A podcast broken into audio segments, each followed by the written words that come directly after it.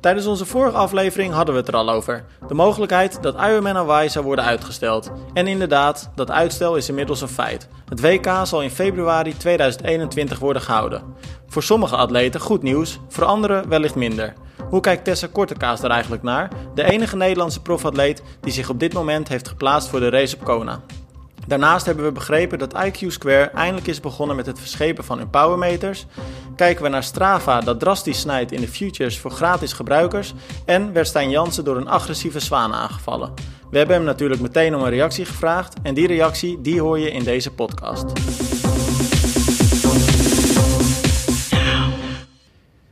Ja jongens, aangevallen worden door een, uh, door een zwaan. Ik weet niet uh, hoe dat met, uh, met jullie zit, maar ik moet er niet aan denken. Nee, lijkt me niet echt chill. Ze schijnen ook echt wel gevaarlijk te zijn, hè? Een grote beest. Ja, het is echt een bizar verhaal. Wij nemen deze podcast op, op maandagavond op. En ik zag het berichtje van Stijn vanochtend op Facebook voorbij komen. En nou ja, hij lag dus te zwemmen in het buitenwater uiteraard.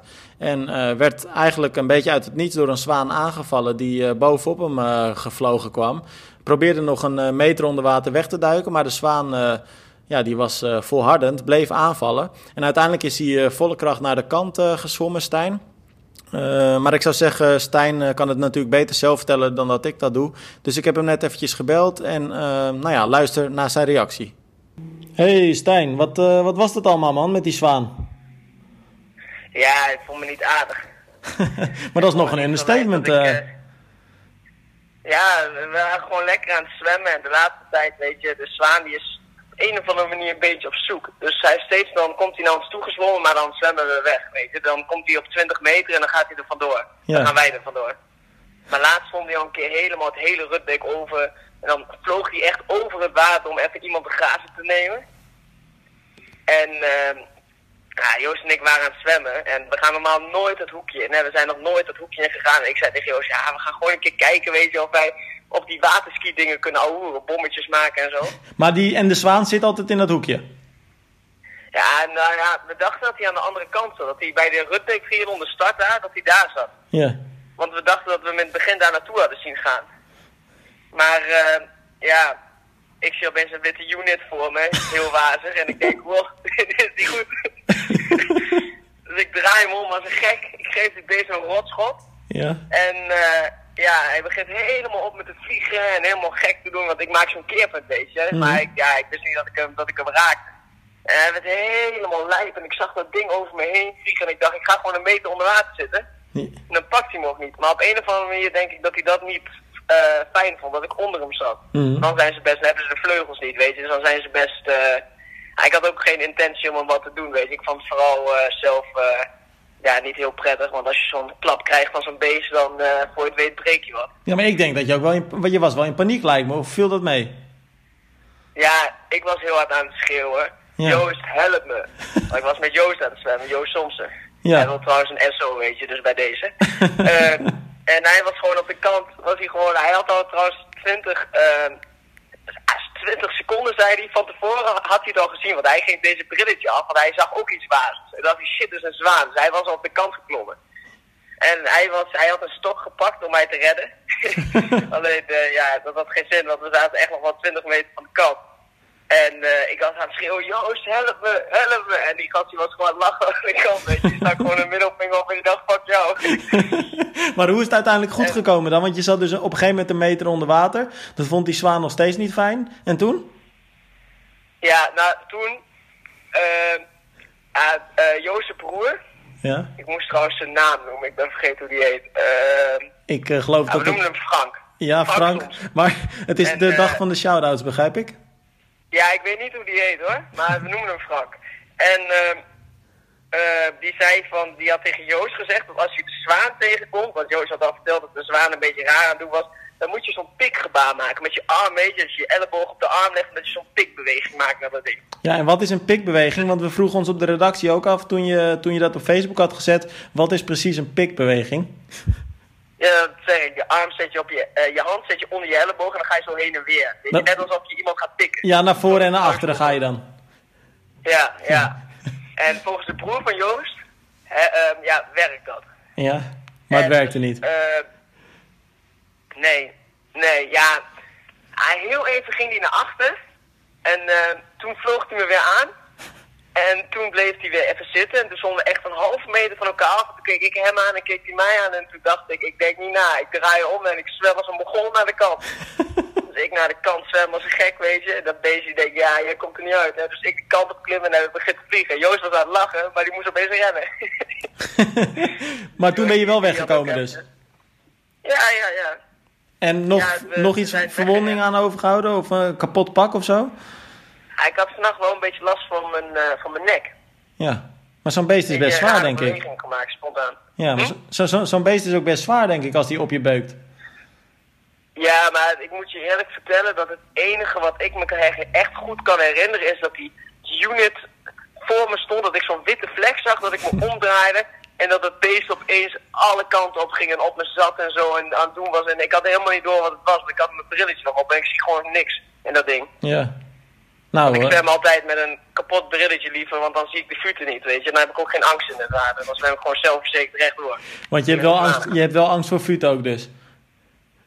Ja, die beesten gaan onder en je ziet ze niet. Ja. En soms komen ze dan heel dichtbij boven. Ik vind dat gewoon smerig. Ja. Heb je ook angst voor vissen? Want eh, we hebben vorig, vorig jaar een keer een poll gedaan op eh triathlon. Waarin we eh triatleten vroegen wat nou eigenlijk hun grootste angst was tijdens het zwemmen. En dat bleek voornamelijk toch wel vissen te zijn. Heb jij dat ook? Nee. Nee, Joost wel. Joost zag nog een vis. En die, die, ging, die ging bijna huilen. Maar eh, nee, ik ben niet bang voor vissen. Maar ik het- vind gewoon, ah, veren vind ik gewoon eng of zo, weet je. Hmm. Maar, het, als ik roofvogels niet. maar het klinkt dat. Nee, want ik zag laatst nog een foto van jou met een. eh, wat was dat? Een arend of een buizerd? Geen idee. Een grote roofvogel. Ja, mootje. Ja. Ja, mootje is gaaf. Ja. Hé, maar Stijn, hoe is het verder met je? Eh, bijzonder seizoen natuurlijk. Geen wedstrijden voorlopig nog. Ik zie wel een aantal mooie trainingen steeds van je voorbij komen. Ja, hoe gaat het verder met je dus? Ja, eigenlijk niet heel fit. Beetje Nee? eh, geblesseerd op het moment. Ik heb gewoon toen eh, corona kwam, toen hebben we gewoon een eh, overweging gemaakt hoe groot is de kans dat de wedstrijden komen. En met de groei van corona heb ik gezegd, die kans is gewoon niet aanwezig. En toen heb ik ook gewoon eigenlijk mijn off-season weer opnieuw gestart. Wel doorgetraind, maar ik ben nu gewoon niet, ja, een beetje geblesseerd, niet helemaal fit. Hm. Ik train niet zoals het hoort. Ik eet, er gaat sneller een pizza en dan eh, een, eh, een stuk salade, weet je. Ja, nou ja, daar is het nu misschien ook wel de goede periode voor, toch? Iets een beetje de teugels laten vieren en gewoon ook doen wat je leuk vindt. Want ik zie ook dat je heel wat alternatieve trainingen doet. Lange fietsritten zie ik voorbij komen. Ik zie je veel op de skillers eh, staan. Dat, dat doe je Ja, normaal ook minder. Of misschien wel niet zelfs. Nee, nee, normaal niet. Maar dat, dat is, ik denk ook dat het wel. Kijk, eh, je ziet ook mensen die de keuze maken om gewoon fit te worden nu. En gewoon goede testen afleveren en eh, aan de wereld laten zien hoe goed ze zijn. Maar ik maak de keuze om gewoon het plezier terug te vinden in de sport. En gewoon geen stress maken om een tempo training. Geen stress te maken weer om een test. Want die testen, dat solo 5 kilometer, dat kan ik ook niet. Nee. Want elke keer als je een solo 5 kilometer wil doen, dan, eh, dan heb je wel ergens last van. Omdat je gewoon die spanning en die adrenaline niet kan krijgen. Ja. Dan, dat, dat doe ik ook niet meer aan. Dus eh, nee. Maar, maar zie je dit dan als een Ja. jaar om, eh, om te overbruggen en eh, met eigenlijk de focus op volgend, volgend jaar alvast? Of waar, ja, waar hou jij rekening mee? Verwacht je nog dat je dit jaar gaat racen? Nou, ik had laatst met mijn trainer Guido afgesproken dat ik weer een beetje gezond ga eten de komende tijd. En dat we een testje gaan doen in augustus. En dan in de hoop dat er misschien nog een wedstrijd zou kunnen zijn in september. Weet je, gewoon gokken erop. Ja, En als, als we dan in augustus denken er komt geen test, dan is het gewoon weer, ja, weer opnieuw een off-season en eh, gewoon weer in de winter opnieuw bouwen. Maar ik denk niet dat het een jaar is dat je moet eh, stoppen of zo, of dat je tussenjaar moet nemen. Maar ik denk vooral dat het heel goed is om bijvoorbeeld de kilometers op te schroeven, dit nu in deze periode ook gewoon met lopen, zodat je meer aan kan en dan volgend seizoen ook gewoon eh, de duur hebt en dan alleen nog de snelheid hoeft toe te voegen om goede tijden weer te zetten. ja. Nou, als je dan tijdens het zwemmen uitkijkt voor zwanen, dan gaat het ongetwijfeld helemaal goed komen weer. Ik denk dat ik daar nooit meer durf te zwemmen. hey Stijn, tot later hè. Hé, hey, later man. Ja, nou ja, wat ik al zei, eh, ik, vind het een, eh, een, een, ik vind het een heftig verhaal. Het is, het is wel opmerkelijk. Wij hebben een eh, jaar geleden ook een, eh, een poll op triathlon eh, gedaan... waarin we atleten vroegen... wat is nu eigenlijk jullie grootste angst tijdens het zwemmen? En ehm, ja, de meest eh, voorkomende angst was toch wel eh, de angst voor, eh, voor vissen... En, en andere dieren die in het water leven. Zwanen kwamen niet heel erg veel voorbij... Ik moet zeggen, Arjan, jij bent ook een, een goede zwemmer, ook in het buitenwater. Ik, heb, ik ben altijd best wel bang voor die beesten, hoor, die zwanen. Ja, ik kijk ook wel uit hoor. Als ik die hoor, of die zie, dan denk ik altijd, nou, dan zwem ik wel even een ommetje omheen. Ja. Dan ga ik niet, uh, niet vlak langs, nee. zeker niet. Hoor. Nee, je ziet wat er, wat er kan gebeuren. Dat kan best wel, best wel uit de hand lopen dus. Maar gelukkig is, is Stijn er goed vanaf gekomen. Ehm, nou, we keken natuurlijk ook gelijk eventjes met Stijn. Jullie hebben het net gehoord naar zijn seizoen. Ehm, hij verwacht ja, niet echt meer te racen dit seizoen. Ziet het ook niet als een verloren jaar. Hij zegt, ik, eh, ik blijf eigenlijk gewoon een beetje doortrainen. Ik, ik probeer zeker niet te pieken nu, maar ik ga ook niet al te veel uh, verslappen. Uh, ja, Romy, ik, ik denk een, een, een, een, ja, een logische, logische houding wel, toch? Ja, ja ik, ik kan me goed voorstellen dat je op een gegeven moment zegt van pieken moet even niet meer. Het is gewoon onderhouden en bezig blijven. Ik denk dat, het ook, dat je al blij moet zijn als je nog een beetje kan blijven trainen. Dat je die motivatie houdt om dat te doen. Dat, ja ja, dat dat nou, wat betreft motivatie uh, zit het bij een andere atleet uh, ook heel erg goed. Dat is uh, ja, Tessa Kortekaas. we noemden het net in de intro al. Zij is de enige Nederlandse atleet, profatleet moet ik daarbij zeggen, die zich gekwalificeerd heeft voor Hawaii. Um, ja, want dat was toch wel het nieuws van, uh, van deze week, denk ik, hè, jongens. Dat Ironman Hawaii definitief, we noemden het natuurlijk in de vorige aflevering al, dat het mogelijk zou gaan gebeuren, maar nu is het uh, definitief. Hawaii gaat naar februari 2021. Nou ja, na de uitspraken van, uh, van Messick, de CEO van Ironman, ja, was dat ook wel te verwachten, toch? Ja. Ja, dat, nou, was, dat is een korte maar duidelijke reactie. Oh, nou ja, ja, het zat eraan te komen. Nee, maar serieus, weet je, we, zaten er eigenlijk allemaal op het bericht te wachten tot het bevestigd zou worden. Ja, we hadden het vorige week al kort over van, wat, ja, weet je, uh, hoe gaan mensen zich nog kunnen kwalificeren? Je noemt het, kijk, Tessa heeft zich gekwalificeerd al in een van die hele vroege Ironmans, volgens mij uh, al eind uh, eh, 2019. Ja, in Azië. Ja, in Maleisië uit mijn hoofd ja, heeft ze zich gekwalificeerd. En Um, maar ja, er zijn een heleboel profs die zich gewoon nog steeds niet gekwalificeerd hebben. Zelfs hele grote namen die zich nog niet gekwalificeerd mhm. hebben. Dus hoe ga je dat doen? En dan heb je het nog niet eens, dan heb je, we hebben we het nu over de pro's, maar hoe ga je het met al die aidsgroepers doen? Want ik las ergens dat volgens mij een derde van de slots tot nu toe vergeven zijn. Ja, dat klopt. Ja. ja, het zou minder dan vijf maanden zou dat nu moeten gebeuren. Wij, wij hebben allemaal weten dat de aankomende drie maanden er helemaal geen races plaatsvinden. Ja, hoe gaat het dan dus het is logisch. Ja, het is wel grappig, want, uh, of grappig, eigenlijk grappig, dat is helemaal niet het goede woord. ik vind het vooral opvallend dat heel veel pro's uh, er een hele andere kijk op hebben. Hè? Want de ene pro die zegt eigenlijk, ik ben heel erg blij dat die race gewoon uitgesteld is. Nu hebben we wat duidelijkheid. Andere pro's die, eh, die zijn er minder blij mee. Toevallig Lionel Sanders, ehm, dat staat ook eh, vandaag online op onze website, die heeft er een hele vlog aan gewijd. Die is ontzettend blij. Die zegt dat die, want die is in februari is die op Hawaii geweest, eigenlijk als enige pro. Dus hij zegt, ik ken al die omstandigheden van dat eiland in die periode. En die omstandigheden zijn heel anders. Het is een stuk kouder, het, uh, het waait wat, uh, wat meer, het is uh, minder vochtig. Ja. En um, ja, hij zegt, ik heb gewoon al die data voor volgend jaar, dus dat is top. Maar Romy, wij waren ook benieuwd naar wat de Nederlandse uh, pro's er dan dus van vinden. En in dit geval is dat dus Tessa Kortekaas nog op dit mhm. moment als enige. Uh, maar zij was er ook wel blij mee, hè? Ja, ja zij zat ook echt te wachten totdat het, uh, totdat het echt duidelijk zou worden dat het verzet werd. En ze zegt ook nog wel dat ze ook over februari nog steeds er twijfels heeft of dat dan door mag gaan. Maar ze is in ieder geval blij, want zij heeft ook volledig in lockdown gezeten in Spanje acht weken lang. waardoor ze dus niet kon zwemmen. Ze kon wel fietsen en ze kon lopen, want ze had een loopband, dus binnen. Maar uh, ik kan me voorstellen als je acht weken niet hebt kunnen zwemmen, dat je wel blij bent dat, dus dat zegt ze ook, dit is de wedstrijd van mijn leven. Dus dan wil je natuurlijk ook de voorbereiding van je, van je leven hebben en gewoon super sterk aan de start staan. Dan uh, kan ik me voorstellen dat je niet, uh, ja, dat je dan wel echt de ultieme voorbereiding wil hebben. En die heeft ze nu niet gehad. Ja. Nee, want zij werd ook helemaal gek van de taxen, geloof ik, hè? begreep ik uit jouw artikel. Ja, wel grappig. Ja, over, overigens verbaast me dat wel. Dat zij op de tax alleen maar heeft getraind. Want ik las ergens in Spanje, dat was natuurlijk een lockdown.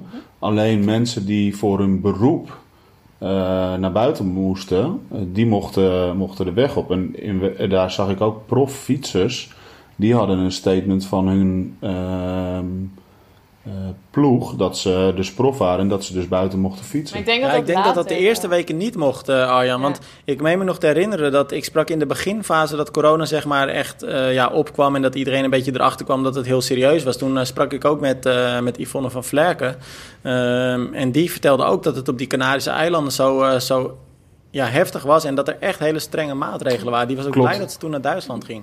Of Klopt, wij zaten, wij zaten, ik zat daar echt, eh, wij zijn er donderdag vertrokken en zaterdagavond zijn die eh, eh, maatregelen daarin gegaan. Ik Oh ja, heb zat best wel ook, wat, ja.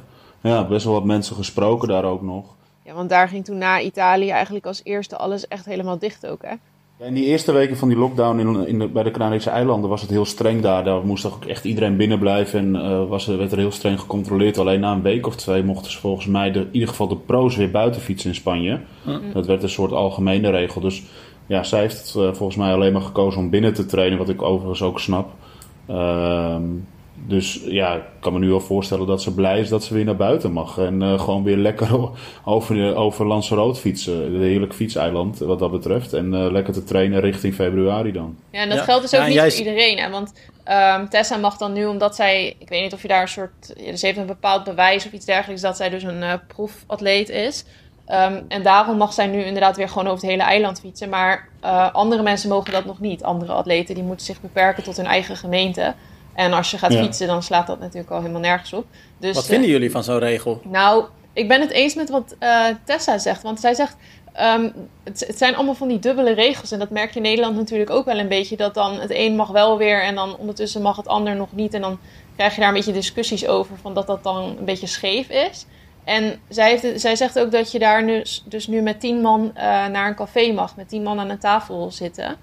Eh, en je mag dus niet fietsen van de, het ene dorp naar het andere dorp. Dus ik kan me voorstellen Ja. dat dat een beetje dubbel voelt. Want fietsen, ja, wie ben je daar nou eigenlijk mee tot last verder? Ja, ik, ja, dat helemaal mee eens. Het slaat eigenlijk nergens op. Maar dat, ook daar is het weer. Die mensen hebben echt vanaf, want wij zijn teruggekomen de, volgens mij rond 13 maart ergens. Dus die hebben van zeg maar rond 15 maart, die hebben nu twee maanden lang in lockdown gezeten. Maar ook echt strenge lockdown. Hè? Niet zoals Ja. wij dat kennen. Ja. Dus ik snap ook wel dat bijvoorbeeld zo'n restaurant en eh, cafés weer open mogen. In de zin van je moet mensen op een gegeven moment ook wel weer perspectief geven. Maar waarom je dan als regering niet zegt, nou ga ook weer lekker fietsen, want dat is goed en gezond voor je. Het is eigenlijk dus dezelfde discussie dat we hier hebben. De McDonald's mag, eh drive-thru mag open zijn, maar de sportscholen mogen niet open zijn. Ja. Terwijl we allemaal zeggen, je moet gezond leven. Ja, weet je, het is een beetje tegenstrijdig allemaal. Ja, maar tegenstrijdigheid snap ik dan ergens nog wel. Althans, dat je een onderscheid maakt in bijvoorbeeld een, restaurant en een sportschool. Dat, los van het feit of ik het ermee eens ben, maar dat onderscheid snap ik nog. Maar wat ik minder goed begrijp is dat de ene fietser dus blijkbaar wel over een eiland mag fietsen. Eh, begrijp me ook niet verkeerd, want ik ben heel erg blij voor Tessa dat ze dat mag. En ik hoop dat ze zo maximaal mogelijk kan trainen. Ik gun het er van harte. Maar de regel zelf vind ik heel erg vaag. Dat de een dus wel over een eiland mag fietsen. En, en als je geen prof bent, eh, dat je dat niet mag. Dat, dat vind ik, dat klopt gewoon niet. Nee, ben ik mee Ja, eens. ik denk dat ze daar een beetje beperken. Weet je, ze willen hier, dat wat ze hier ook willen, eh, het reizend verkeer beperken. En dat willen ze daar in wezen ook, denk ik. Alleen ja, het is inderdaad vaag. Zeker zo'n klein eiland als Lanzarote. Ja, ik ben altijd zo bang dat je met dat soort regels dan ook eh, de boosheid op eh, sporters weer vergroot. Hè? Want dat had je natuurlijk in het begin van de corona, dat je heel erg die boosheid had. Dat atleten op een gegeven moment ook niet meer op Strava durfden te zetten dat ze een, een rit hadden gemaakt of een, een loopje hadden gedaan. Maar op het moment dat jij de sporters dan eh, privileges geeft die niet voor de rest van de bevolking gelden, dan ben ik bang dat mensen daarover nogal ja, geïrriteerd raken. En ergens zou ik die irritaties ook wel snappen. En dat zou zonde Weet zijn. niet, weet ik niet. Op zich is Spa- Spanje wel een heel sportminded land. Eh, in die zin dat ze er wel hun topsporters hoog dragen. Dus misschien snappen ze het juist wel. Ja. En willen ze het ook wel voor de topsporters. Maar wat het vage natuurlijk is. Lanzarote, waar Tessa woont, eh, valt onder Spanje. En Lanzarote is heel anders dan het vasteland van Spanje. Toen wij er waren, was er één bekend coronageval. Die was ook genezen. Toen het eigenlijk in lockdown ging in Spanje, was er op Lanzarote op dat moment helemaal niets. Dus het is ook gewoon, volgens mij een dag later, die vrijdag, werden er, waren er twee Britten bekend eh, die besmet waren, die eh, net uit Groot-Brittannië waren gekomen. Dus het is, ze hadden daar ook heel veel minder ehm ermee te maken. Ik moet zeggen, wij zaten daar en wij kregen er eigenlijk helemaal niks van mee daar ook, omdat er gewoon, ja, er was gewoon niks. Maar jij was wel echt net op tijd terug. Ja, wij waren twee dagen. Wij, waren, wij hebben donderdag eh, middag vlogen wij en zaterdag. eh, toen werd wel al bekend dat vrijdag eh, of zaterdag er wat ging gebeuren. En uiteindelijk zouden ze dan na het weekend een lockdown. Maar toen hebben ze zaterdagavond volgens mij al de hele boel op slot gegooid meteen. Ja. Wel eh, opvallend, Romy, want jij was eigenlijk net te laat vanuit Afrika. Jij hebt nog heel veel eh, gezeur eh, toen gehad. Ja, wij hebben eigenlijk een beetje de hele tijd zo zitten wachten van, oh, het komt vast wel goed. En we hoopten dat we gewoon ons vliegticket nog eh, konden gebruiken wat we hadden. Maar iets te lang gewacht en toen was het inderdaad te laat.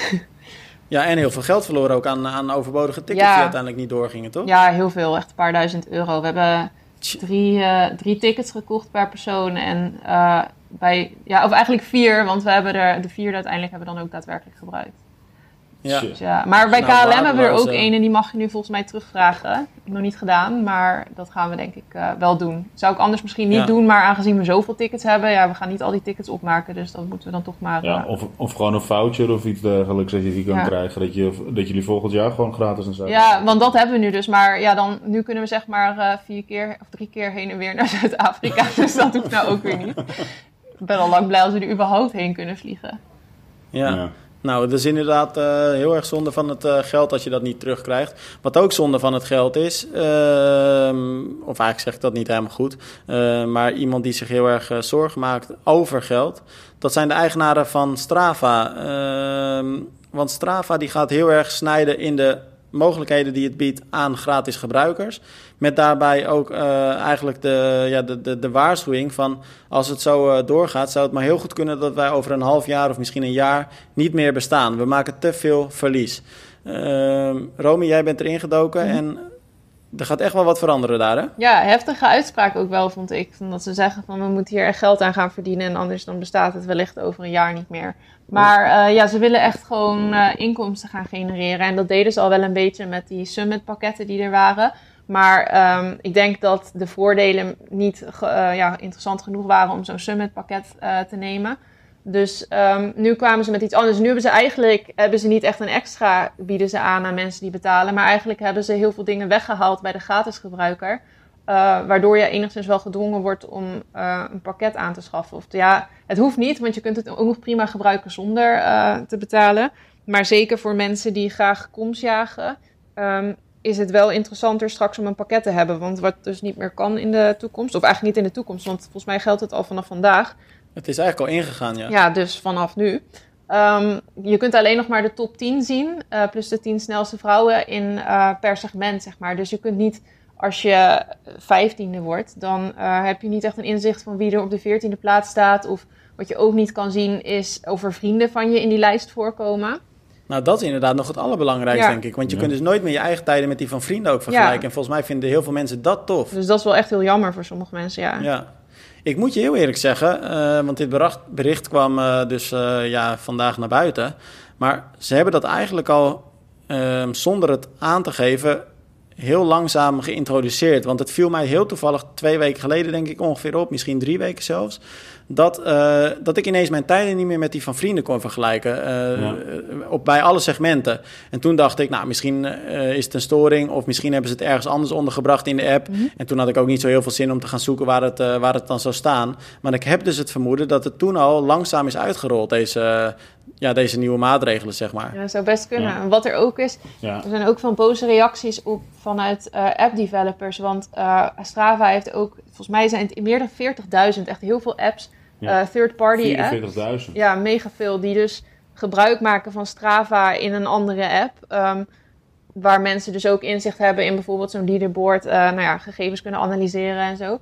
En wat Strava dus nu ook doet, ze hebben vanaf vandaag eh, hebben ze gezegd dat die apps, die third-party apps, dat die gewoon in één keer ehm, geen, ja, hoe zeg je dat? Ze krijgen geen data meer te zien. Dus die apps die hebben, die zijn Mhm. gewoon in één keer leeg. Dus die hebben zich Ja, daar ook ja, niet maar- goed op kunnen voorbereiden, schijn. Die, die hebben gewoon Dus ineens ja, allemaal errors. Maar dat is echt bizar wat ze gedaan hebben. En weet je, dan denk ik als Strava zijnde van ja, het is, voor mij zit hij meer... Kijk, ik gebruik, ik train niet zoveel, maar ik vind het leuk om te, te kijken als ik getraind heb eh, in zo'n segment pak waar ik dan sta, weet je wel. En dan denk ik, eh, zeker toen ik op Lanzarote bijvoorbeeld was, dan dacht ik, oh, ik moet nog even die en die pakken, want die staat op dit eh, segment nog net voor me. Eh, en eh, ja, weet je, dat vind ik, eh, het is leuk en daarvoor gebruik ik. Maar als ik me voor moet gaan betalen, nou no way hoor. Eh, zo fanatiek ben ik weer niet. Nee. Maar ik denk dat veel mensen ook afhaken. Want je gaat voor Swift betalen, je gaat voor Strava betalen, Ja. je gaat voor dit betalen, je gaat voor Ja, dat maar betalen. vergis je niet, Arjan, eh, want ik ben het helemaal met je eens. Ik zou daar ook niet voor betalen. Maar je staat er echt versteld van hoeveel atleten, zelfs tijdens hun training op hun horloge of op hun mobiel, eh, aan het, in de gaten aan het houden zijn waar de kommetjes beginnen en waar ze eindigen. Alleen maar zo. om die kommetjes te pakken. Dat is echt een hele grote groep. Maar ga je daar Ja, geld nee, voor betalen om dat te doen ook? Nou, ik denk dat heel veel mensen dat wel gaan doen. Ik weet niet of de prijzen ook gaan veranderen. Het was een jaarabonnement kostte geloof ik 60 uh, dollar. Als je dan een van de drie Summit pakketten nam, was je zelfs goedkoper uit. Nou, dat kan dan niet meer, maar ik ga ervan uit dus dat je nu voor een jaar nou, rond de 60 dollar zal, uh, zal gaan blijven betalen. Ja, uh, ik denk dat heel veel mensen dat toch gaan doen. Ja, als je vergelijkt met Netflix, ja, dan denk... is het de helft zo goedkoop. Dus wat dat betreft. Precies, en voor iets wat je elke dag doet. Ja, ja ik denk dat voor mensen, mensen het wel gaan doen, omdat het ook een leuk speeltje natuurlijk is als je elke dag traint inderdaad. Maar zoals voor de mensen die wat minder trainen, die zullen dat niet gaan doen. Nee. Maar wat ik me dan afvraag, ze hebben 44.000 API-integraties. Dus dat betekent dat ze 44.000 uh, uh, apps hebben die inprikken op hun data of met hun platform communiceren. Mm. Waarom gaan ze niet met dat soort partijen gewoon om tafel zitten van... Uh, jongens, er moet wat geld op tafel, wil je uh, data van mijn API krijgen? Ja, maar ik denk dat dat ook wel gebeurt, Arjan. Ik denk alleen dat de kosten heel veel hoger zijn dan heel veel mensen verwachten. Want het platform, Tuurlijk. het platform kost natuurlijk heel veel geld. Maar wat denk je van de ondersteuning qua ontwikkeling, qua uh, hosting? Dat kost natuurlijk klauwen veel geld om zo'n systeem draaiende te houden. Dat snap ik wel. Alleen ik denk niet dat juist die mensen die je zo... Uh, in wezen heb je, je hebt, uh, wat ik dan zie bij zo'n platform als Strava, je hebt je gebruikers. En je gebruikers zou je, behalve je echte exclusieve gebruikers, zou je het eigenlijk gewoon gratis toegang moeten geven. Waar je het van moet hebben, is je mensen, uh, andere apps of grote partijen die gebruik willen maken van jouw diensten. Dus noem maar even wat ze willen, een soort race organiseren die op Strava bekend is. Dat soort partijen moet je geld gaan vragen. Ja. Want nou ja, nu eens heb je ben de, ik wel nu heb je de kans dat heel veel mensen weglopen. Ja, maar ben ik met je eens. Aan de andere kant kun je het ook omdraaien. Uh, we hebben jarenlang uh, uh, gratis gebruik kunnen maken van Strava. En alle nou, bijna eindeloze futures die dat heeft. ja, nu wordt dat iets minder. Maar je kunt natuurlijk nog steeds gratis gebruik maken van Strava. Je kunt nog steeds je rondje lopen en hem na afloop zien. Je kunt nog steeds je tussentijden checken. Je kunt nog steeds zien wat je maatjes getraind hebben. Dat blijft natuurlijk allemaal gewoon in stand, hè? Dat snap ik wel. Maar het enige wat nu het gratis lidmaatschap nog eigenlijk doet, is, wat zit ik net even te kijken, je kan hem delen via je sociaal netwerk dan je training. Hij heeft apparaatsupport, dus bijvoorbeeld je Polar kan je mee koppelen met Strava en je activiteiten kan je registreren. That's it. Je kan geen routeplanning uh, planning meer doen, je hebt geen segmentcompetitie, je hebt geen trainingsdashboard, uh, geen hartslag- en vermogensanalyse. Nou, uh, ga zo nog maar even door. Mhm. Mm -hmm. eigenlijk heb je helemaal niks meer. Ja, eigenlijk zijn we gewoon jarenlang, wat Tim ook wel zegt, natuurlijk gewoon verwend geweest met dat dat allemaal Verwend, maar ja. Gratis was. Alleen Ja. of het nou dan de slimme aanpak is om dat eerst jarenlang gratis te geven en dan weg te pakken ineens, zo rigoureus. Dat, Nou ja, ja, ik denk Ja, dat het aan- qua marketing nog best slim is. Want ik, ik verwacht dus dat heel veel mensen straks eh, gewoon dat abonnement gaan afsluiten. Ja, aan de andere kant is wel wat Tim zegt, er, zijn, er is een grote groep mensen. eh, die is natuurlijk een beetje een soort verslaafd aan Strava, want die opent het net zo vaak als Facebook. Ja. En eh, ja, die zullen dat doen. En overigens is het eh 5 euro per maand, dus het is gewoon 60 euro per jaar. Ja. Nou ja, en heel eerlijk, ik eh, moet heel eerlijk bekennen dat ik denk dat ik ook vaker op Strava eventjes zit te kijken wat mensen gedaan hebben. Eh, ik zit er vaker op dan dat ik op eh, Facebook of Instagram zit, denk Nou, ik. daarom mis je dus de mooie berichten. Ik hoor het al is wel, jij gaat is betalen. Nee, ik ga niet betalen, denk ik. Maar ik hou, weet ik eigenlijk wel zeker. Maar ik hou wel mijn hart vast ehm, dat Strava inderdaad straks niet eens meer gratis is. Ik denk dat, dat, eh, dat we die kant op gaan. Nee, ik denk dat we altijd, zoals die activiteiten gewoon, je eigen activiteiten registreren, dat het altijd blijft kunnen. Weet je, ze moeten een soort opstap hebben, hè? want als ze het helemaal afsluiten, dan hebben ze helemaal niet meer dat mensen kunnen proeven ervan. Nee, en dan Ja, komt er vast een concurrent die dat eh, overneemt. Ja, ja. Nou, het is even afwachten. Het is ook eh, afwachten wanneer we weer eh, kunnen racen. Die vraag hebben we al een aantal keren aan elkaar gesteld. En dat antwoord eh, kunnen we ook allemaal niet, eh, niet geven. Wat we wel kunnen doen is eh, terugblikken op eh, finishfoto's. En dat doen we nu al eh, twee weken op Triathlon. En dat blijven we de komende twee weken ook nog doen. 30 dagen lang de mooiste finishfoto's. eh, Nou, de mooiste zitten er niet bij, hè? nee, is het die van jou bedoel je dan? Nee, ja, precies. We Kun je er eentje- insturen, we misschien kunnen er eentje in doen. Ja, ik mis die van jou ook al, Tim. Nou, ik zit eraan te denken om er nog in te gooien, maar... Ja, nou, anders Nee. doe ik het wel. Nee, maar kijk, kijken jullie daar met plezier naar? Dat, dat- bij mij wakkert het een beetje weer dat ex- extra, misschien nog wel dat vuurtje aan. eh, van weer eventjes dat gevoel van, oh ja, dat is echt wel eh, waarom Ja. deze sport zo mooi is. Ja, ik vind het nu wel even een soort van ver van je bedshow of zo. Terwijl we er iedere dag mee bezig zijn, dus aan de andere kant ook wel weer gek. Maar dan die finishfoto's, dan denk je wel weer, oh ja, dat is wel waar het uiteindelijk om gaat, wedstrijden. Maar gek hè, is dat Romy? Want je zegt het is nu bijna ver van je bedshow. Maar het rare is, bijna alle foto's die we gekozen hebben tot nu toe zijn van vorig seizoen. Hebben we ook Mhm. een beetje bewust gedaan. Maar gek hoe lang dat alweer geleden lijkt hè? Ja, dat lijkt Ja. inderdaad echt lang geleden. Ja. Ja, sommige dingen zijn echt dat je denkt, oh ja, oh ja, oh ja. En weet je, het is, we zijn natuurlijk zo bezig geweest met alweer de voorbereiding van dit seizoen, van 2020. En eigenlijk al het moois wat daar zou komen, een Olympische Spelen, een Ironman Hawaii, een WK Multisports in Almere, die overigens nog steeds op de kalender nog steeds staat. Dus laten we daar nog eh, met z'n allen voor duimen. Ehm, daar zijn we zo druk mee geweest in die voorbereiding, dat eigenlijk twin- eh, 2019 alweer een stuk achter ons lag. Ja, heel veel wedstrijden gaan nu eh, trouwens na die maand waarin ook Almere plaatsvindt. Hè? Arjan, ik, Ja. eh, heel veel Zo. wedstrijden gaan nu Ja, september en oktober zitten. Dus, het eerste weekend van het wereldkampioenschap eh, multisport eh, in Almere, dus de 4, 5 september. Is nu ook de WTS in Hamburg. Ja, en de Ironman. en, en, ja, ik wou net zeggen, en aansluitend eh, is vrijdag volgens mij de, de WTS-wedstrijd zelf. Zaterdag de Mixed Relay WTS. En dan zondag de Ironman Hamburg. Ja, pak ze slim aan als je het mij vraagt. Ik vind het wel heel gek, of op zijn minst gezegd bijzonder van de ITU... dat ze die eh, eh, race, die WTS-race gaan doen... eh, ja, op dezelfde dag dat er ook een WK in Almere plaatsvindt. eh, vind ik ja, vind ik opmerkelijk. ook, want zeker het is het duathlon weekend. Mhm. Dus in wezen had je ook kunnen zeggen van... eh, we hebben heel wat mooie toppers, geven de kans om in, tijdens het eh, WK duathlon te starten. Precies. Ehm, dat zou ik ook mooi, heel mooi gevonden hebben. Ik, vind, het- ik vond het persoonlijk ook gek. En zeker nog met de, volgens mij de kanttekening erbij. Dus moet ik daar even voor de WTS eh, antwoorden helemaal schuldig blijven. Misschien weten jullie dat, dat het volgens mij geen Olympic ranking event Nee. is. Volgens mij geldt dat voor bijna al die races in die maand. Ja. eh, want ik zag Ja. dat er, toevallig vanochtend zag ik dat er ook weer twee wedstrijden in september, twee Ja, World Cups waren Colo aan- Vivari Ja. En die nog een ook? World Cup. En dat zijn zeker geen Olympic Nee, dat zijn ook al geen. Olympische rankingwedstrijden. Dus dat is allemaal een beetje anders.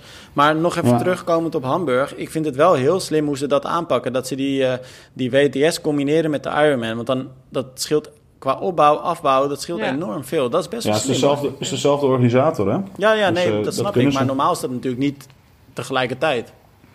Nee, maar nu, dat scheelt enorm veel opbouw en afbouw, zeker. Eh, ik wens ze alleen heel veel succes. Ik weet wat het is. Drie, Ja. drie van zulke wedstrijddagen achter elkaar als organisator is wel eh, heavy shit. Maar goed, het maar. gaat in Dat is, Almere eh, ook zo zijn nu, toch? Ja, ja, zeker. Almere hebben we alleen de mazzel af en toe dat we even één dag tussendoor even op adem kunnen Ja. komen en geen racedag hebben. Dus je wel dingen echt gewoon voor de dag daarop weer kan omzetten. Ja. En dat je misschien, het scheelt denk ik ook wel in Almere, dat je twee locaties hebt. Wat je iets meer rust tussen verschillende teams waarschijnlijk geeft. Ja, dus we hebben, de teams zijn ook opgesplitst zeg maar, bij ons. Dus we hebben bijvoorbeeld een, eh, om in, of een kijkje achter de schermen te geven. eh, we hebben een team dat, eh, dat zich focust op, op het CAF, zoals dat heet. Dus waar de inschrijving plaatsvindt, vindt, de pasta buffet.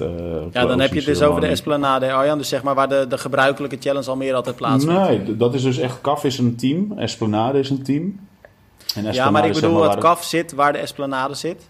Ja, sorry, ja, Ja. sorry. Voor Ja, mensen die niet in, uit Almere komen. Ja, de, CAF dat is waar eh, de inschrijving altijd pla- en de briefings altijd plaatsvinden. Dus dat is aan het grote gebouw aan eh, de finish, zeg maar. Dan heb je de eh, bij ons een Esplanade team, die regelt het hele Esplanade. En dat is van transition tot aan start en finish. En we hebben een campaan team, zoals wij die noemen. Dat is, dat is een team wat verantwoordelijk is voor alles rijlen en zeilen wat op de campaan gebeurt. En dat is eh, waar het eh, wereldkampioenschap eh, duathlon, kort en standaard distance plaatsvinden. En het WK cross triathlon. Ja. Ehm, dus ja, we hebben, we hebben heel wat teams en heel wat taken verdeeld. Hoe ver dat liggen die locaties uit elkaar, Arjan? Eh, locaties liggen zo'n, als je met de auto gaat, is het zo'n, vanaf het centrum is het zo'n eh 7, 8 minuten rijden over Ja, de. Veluwe Dreef heen. Waar je overigens niet te hard moet rijden, want dan word je geflitst. Goeie tip. Ehm, Goede waarschuwing ja, ja, ja, er staan twee flitspalen, dus eh, standaard aan, dus dat past daarop. Eh, en met de fiets zal het zo'n 20, 30 minuutjes zijn, afhankelijk van hoe hard je fietst. Ehm, ja, wat zal het zijn? Een kilometertje of eh 15 uit elkaar? 10? Ja. Nou, laten we inderdaad hopen, wat jij net al zei, ehm, dat, die, eh, dat, eh, dat WK, maar ook dat al die andere wedstrijden die eh, straks in september, oktober, misschien zelfs nog november en december gepland staan, dat die doorgaan. maar dat gaan we gewoon in de gaten houden.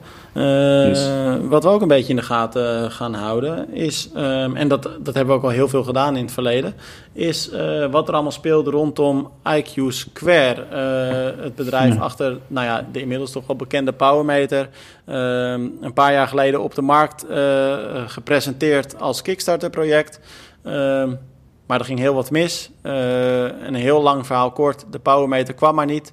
Er werd bijna 2 miljoen in het project gestoken, maar toch kwam de powermeter nog steeds niet. Er werd slecht gecommuniceerd naar de atleten uh, die uh, een powermeter hadden besteld. De triathlonploeg die verbonden was aan uh, dit merk, nou ja, die, uh, die werd uh, met grootse bombardie aangekondigd. Bleef een paar maandjes intact, maar werd toen ook alweer opgegeven. Uh, heel veel geld is ook verdwenen uit dat project. hebben we ook allemaal over geschreven. Heel bijzonder ging dat allemaal. Maar er lijkt nu iets meer licht aan de horizon te schijnen. Want de eerste powermeter is afgeleverd, zagen we op Facebook, Arjan. Ja. Ja, ehm, ik kwam er toevallig achter, uh, op Instagram zag ik dat ze gingen shippen. Uh, dus gingen uitsturen naar hun eerste backers van het Kickstarter project. Toen ging ik even op Facebook kijken, zag ik inderdaad dat de eerste, allereerste backer, een Nederlander, zijn single-sided powermeter heeft gekregen. Nou, toen ging ik natuurlijk eens eventjes lezen daaronder wat er allemaal gebeurt. En dan zie je van, nou, de dual side die laat nog op zich wachten, dus de, uh, de tweezijdige powermeter. En ze gaan nu alleen de single side uh, powermeter uh, shippen. en dan zie ik alweer in de, dat was 9 mei, en dan zie ik alweer in de reacties eronder van wanneer kan ik hem ver, verwachten, want ik ben Becker 123. En dan zeggen ze, ja, we komen volgende week bij je terug. En dat was onder het bericht van 9 mei. En dan zegt iemand alweer een dag geleden, nou, het is alweer een week geleden, maar ik heb nog niks gehoord. Dus qua communicatie lijkt het nog niet helemaal beter geworden te zijn. Hoe kan het nou Alleen, dat die communicatie zo slecht is daar? Ja, ja, ik, ik, ja, ik hoop maar dat ze alles eraan doen om een heel goed product neer te zetten. En dat, ze da, dat het mensen zijn die echt alleen maar bezig zijn met die powermeter en gewoon niet zo uh, bedreven daarin zijn in dat communiceren. Uh, overigens, voor 2 miljoen kan je een hele mooie partij vinden, volgens mij, die hele communicatie kan overnemen Precies. daarover. Maar ja. dat denk ik dan, maar het is, het is gewoon een gemiste kans, want daardoor ontstaat er wel weer, uh, ja, wel weer wat onvrede of wel weer een zure smaak. En dan zeggen ze, ja, lees het hier, want hier hebben we wat standaard antwoorden. En dan lees je op Kickstarter wat standaard antwoorden en denk ja, daar word je ook niet wijzer van, want de, bijvoorbeeld de mensen die een dual-side powermeter wilden, die ja, daar wordt gezegd, die komen snel. En dan zegt iemand, ja, wat is snel? Ja, ja snel. Ja, ja, ja ze lijken er ook niet echt van te leren, heb ik het idee. Want deze bak aan kritiek hebben ze natuurlijk ja, bijna, nou, ik denk wel ruim een jaar over zich heen gekregen. En elke keer kwam maar weer de reactie: we komen snel met informatie, we komen snel met informatie. Maar echte openheid werd nooit gegeven. Um, nee. Ik zou als consument wel een beetje klaar zijn met die powermeter. Ik zou zoiets hebben van: bekijk lekker, ik koop wel een andere. Ja, maar volgens mij zijn dat hele, de mensen die zaten te wachten, uh, zeg maar, uh, en niet, niet uh, het project gebackt hadden op Kickstarter. Die, die hebben volgens mij allemaal lang een andere powermeter gekocht. maar ik denk dat de mensen die, die, die dus het project ooit gesteund hebben op, op Kickstarter, ja, die zullen ongetwijfeld nog steeds zitten te wachten. Want die denken, ja, ik heb er toch ooit geld in gestopt. Ja. En ja, ik hoop maar dat, dat, dat het eerdags komt. Alleen dat eerdags, dat duurt nu, nu al maanden slash jaren. Um, ja. Maar dat was toen toch ook met die, met die, met, die, hele ploeg van ze. Dat was toch ook een grote aanfluiting. Ja, misschien dat ik een beetje fel ben. Uh, maar ik, ik ben gewoon een beetje verbaasd over hoe dat allemaal gaat rond dat IQ Square. We hebben er natuurlijk meerdere keren met elkaar. Uh, althans, we hebben als triathlon hebben we er een aantal keer over geschreven. Maar we hebben ook in onze podcast een aantal keer met elkaar, met elkaar hebben, over dit onderwerp gesproken. Maar ja, ze zouden. Maar heel, Tim, weet je, het is, het is gewoon belachelijk dat wij het er steeds over hebben. Want ik weet nog dat wij in een van onze eerste podcasts het over hadden. En dat was eind december. Dat ze begin dit jaar zouden verscheept uh, verscheept worden. We zitten alweer bijna halverwege dit jaar. Weet je? En dan denk ik van ja, weet je, ze komen ook afspraak na afspraak na afspraak niet na. En nu snap ik, er is wel weer, er en dat zal ongetwijfeld een excuus zijn. Ik heb hem nog nergens gelezen, maar ongetwijfeld een heel mooi excuus zijn. Ja, het coronavirus is gekomen. Dan denk ik, ja... Ja, maar ik ben er een beetje de- klaar mee met die excuses, Arjan. En dan moet ik wel zeggen, eh, weet je, het zal mij verder worst wezen wat ze allemaal zeggen, want ze moeten dat ook lekker zelf weten. Maar al dat soort excuses, die hebben ze ook al eh, rondom... Hè, wij hebben natuurlijk best wel veel met IQ Square van doen gehad toen de tijd van eh, die ploeg. En heel wat gezeur ook mee gehad. En weet je, die ploeg die werd op een gegeven moment aangekondigd en dat werd dan een soort van half in het geheim gedaan, waarbij atleten zelf op social media al hoog van de toren bliezen dat ze lid waren, van, eh, lid waren geworden van de nieuwe ploeg. En die ploeg zou eh, het NTC helemaal wegvagen, want dit zou het team van Nederland worden. En hier zouden de talenten gekweekt worden. Nou, toen hadden wij op een gegeven moment die namen geschreven. En ehm, nou ja, nou, ik ga de namen niet eens noemen, want eh, daar worden die mensen ook niet blij van. Maar weet je, die atleten werden toen helemaal pissig dat we dat hadden geschreven. Terwijl ze zelf op social media eh, dit naar buiten hadden gebracht. Vervolgens kwam er een teammanager, Desmond V, van wie ik de achternaam eh, bewust niet noem, omdat hij eh, met kindermisbruik in aanraking wordt gebracht. Ook voor de rechtbank gekomen en dergelijke. Die vertrekt met een aantal ton in zijn eigen zak, waarvan niemand meer weet waar dat geld is gebleven. Ondertussen zitten ze alle schijn schoon te houden. En weet je, dat, het rommelt toch aan alle kanten, dit verhaal? Tuurlijk rommelt het aan alle kanten. En weet je wat nog het grootste rommelt? Is dat je een, volgens mij ruim een miljoen heb je gekregen op zo'n Kickstarter project. En dan lees ik, hadden we dat videootje van nu.nl op een gegeven moment waarin ze, hoe is het nu met eh, het grootste Kickstarter project, of het, nee, het, het project wat het meeste geld ooit heeft Klopt. opgehaald op Kickstarter.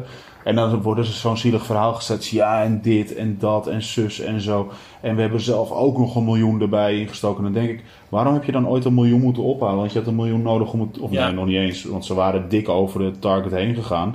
Want je had volgens mij 6 ton nodig om het hele product te ontwikkelen. Waarom kan je nu dan een, twee jaar later zelf een miljoen investeren? Nou ja, dat is Weet het je, een beetje. Je gelooft dit toch gewoon niet meer? Want ik, we hebben dit ook al een Het aantal rammelt keer aan alle kanten. Precies, en wat we ook al een aantal keer gezegd hebben, daar sta ik nog steeds achter. Ik hoop nog steeds heel erg dat wij eh, nu gewoon eh, ongelijk hierin krijgen. En dat er straks een heel tof, eh, toffe powermeter op de markt wordt Ja, gebracht. weet Dat je, hoop ik Aan de echt. ene kant, Dit dat hoop ik ook, Tim. Alleen, alleen weet je, één ding, en dan ben ik er eigenlijk ook wel klaar met het hele IQ-scare. Ehm, het is ook helemaal niet meer wat het was, hè. Weet je, het is Nee. nu gewoon een pedaal met een powermeter. En het zou een add-on zijn op je, op je pedaal. Die je overal makkelijk erop en eraf zou klikken. Dus ook het hele product is al gedevalueerd.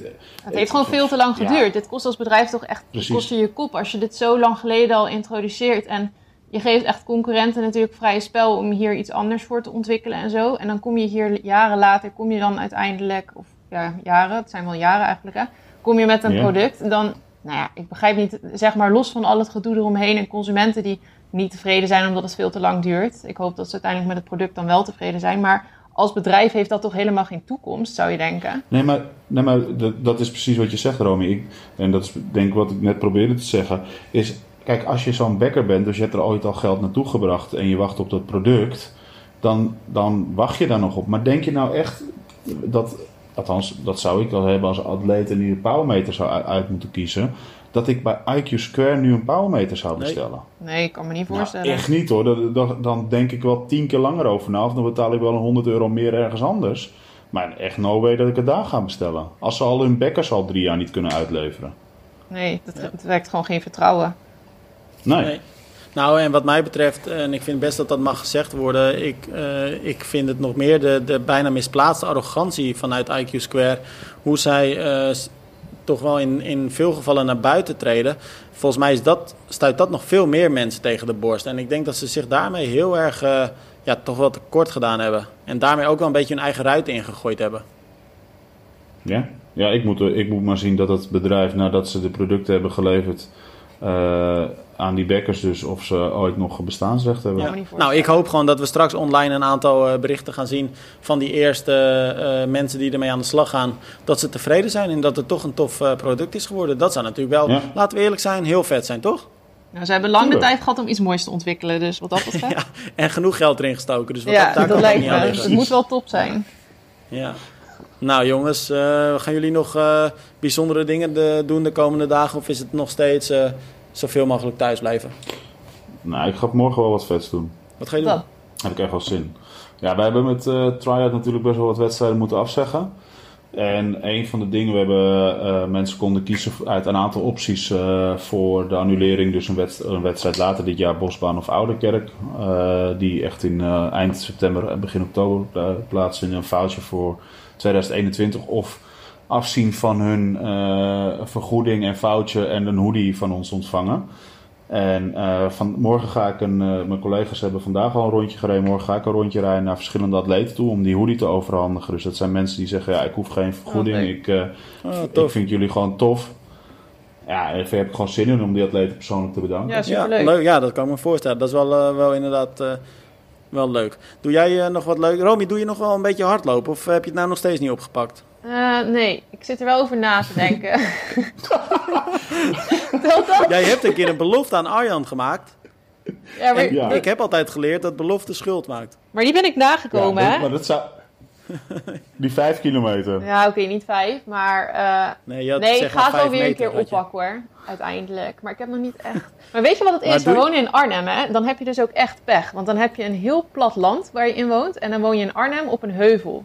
En daar heb ik dan al geen zin in. Want als ik hier ga hardlopen, dan is het meteen heel heuvelachtig. En ik heb echt een hekel ja, aan die heuvels. Dan, Romy, dan wandel je toch naar beneden, start je op het vlakke en dan ga je dan hardlopen. En dan stop je net weer voor de heuvel en dan loop je het laatste ja, stukje wandelen. dat zou inderdaad ja, ook gewoon fiets. kunnen. Maar dan is het Weet je, moet ik dat nou echt allemaal gaan voor je verzinnen? Je bent, je bent net IQ Square, man. Alleen maar excuses aan het verzinnen. nou, met een beetje geluk over twee jaar of zo, dan, uh, dan loop ik vijf kilometer. over twee nee, jaar? dan krijg je op één been, ja. maar Romy, ik heb wel één serieuze vraag aan je. Oh. Schrijf je ook nog wel eens in je dagboek? Nou, ik ben serieus weer begonnen. Nadat ik mijn dagboek van vroeger dus erbij heb gepakt vorige week, want daar heeft Tim het over. Toen dacht ik, ja, dat moet ik eigenlijk weer eens op gaan pakken. Maar toen begon ik te schrijven en toen dacht ik, jemig, ik heb ook wel... Als kind is dat veel leuker, nu is dat ook niks meer Maar aan. sinds ik dus één stukje uit je dagboek heb gelezen, ben ik een heel klein beetje bang, iedere dag weer, dat ik ineens een appje van je krijg of een belletje. dat je dan ineens zegt, ja, ik wil niet meer uh, dat je een vriend van me bent, want ja, je gaat ook met andere vrienden om, dus dan kan dat niet meer. Ja, nu, dan degradeer ik je van hartsvriend tot uh, beste vriend. Hey, maar, maar, maar Romy, zonder grappen. Tim is gewoon een beetje bang dat je uiteindelijk triathlon verlaat en gewoon je, je dagboeken publiceert. Ja, dan is het binnen, denk ik hoor. Nou, ik denk het ook. Maar Nou, mensen snappen helemaal niet waar gaan het over gaat, joh. Dit moeten we toch uitleggen? Ja, nee, daar, ja, ik, ja, ik wilde net zeggen, ik denk dat we moeten afsluiten, want niemand begrijpt dit. Maar ik zal het dan heel kort uitleggen. Romy, jij eh, stuurde mij nou ja, vorige week of zo een foto. En, want je was wat oude dagboeken van jezelf tegengekomen die je als klein kind had geschreven in de, ja, in de tijd dat je op de basisschool zat. Nou, ik heb nog nooit zoiets geniaals gelezen, want het was een soort van... Ja, het was natuurlijk een dagboek, dus gericht aan jezelf. Maar je richtte dat stukje een soort van aan je toenmalige hartsvriendin. Maar je had besloten dat ze geen hartsvriendin meer van jou Ja, zijn. ik zei want- iets van... Wat zei ik nou? Ik zei, ja, ze doet eigenlijk ook wel dingen met andere mensen. Dus volgens mij hoort dat dan niet helemaal. Ik denk dat hartsvriendin wel betekent dat je het leuk vindt om leuke dingen met elkaar te doen. Dus misschien is het dan maar beter om gewoon beste vriendinnen te zijn. Zoiets was Ik ga, het, ik, ik ga het echt heel even zoeken. Ik ga kijken of ik het snel kan vinden. Dus als jullie nog heel even doorpraten met elkaar, want dan ga ik het voorlezen ook. Ja, maar, maar het was wel aan Tim ook gericht, hè? Hartsvrienden. Met een Oh ja, dat was het. Het was met een D. Oh, ik heb het, ik heb het. Even kijken. Eh, oh nee, dit is een andere. Het is een Oh ja, andere. hier, ik heb het. Ik ga het voorlezen. Even vergroten. Oh, God. Ik had het uitgemaakt omdat harts... Het is wel een beetje moeilijk te lezen hoor. Dus ik had het uitgemaakt omdat hartsvriendin betekent dat je altijd bij elkaar bent. En dat is weer wat overdreven. Want echt veel doen we niet. En ze vraagt aan iedereen hartsvriendin te zijn. Terwijl ze al met mij is. Dat vond ik niet leuk. Nu zijn we dus gewoon beste vriendinnen. 8 december 2005. Maar even die logica is toch heerlijk? Dat ze eerst Die een hartsvriendin was, maar nu Maar dit vond ik ook een mooi stukje. Dit vind ik ook een mooi stukje. Oh. We moeten op school in dit jaar groep 7. We moeten op school in dit jaar groep 7 van Topo wel 32 toetsen ongeveer maken. Dat vind ik saai, maar ik ben er wel goed in. Er is bij ons op school 17 maart een wiskundewedstrijd. Groetjes Romy, 13 december 2005. Dus je was ook best snel over dat verdriet van je hartsvriendin 1, Ja. eh, geloof ik. Maar wat ik dus zo leuk vind, ongeveer 32 toetsen. Hoe specifiek wil je het hebben? Zullen we volgende week in Maar- de podcast alleen maar dingen uit jouw dagboek voorlezen? Ik vind het volgens mij mooier dan de triathlons. Ja, dat is leuk voor de jonge luisteraars. Oh. Oh, jongens. Ja, als jij geen luisteraars meer over wil hebben, dan uh, doen we dat. Nou, dit gaan we wel Nou, even in de, in de titelbeschrijving zetten. Dat we stukjes uit Romi's dagboek eh, bespreken. jongens, tot volgende week. Yo, doeg.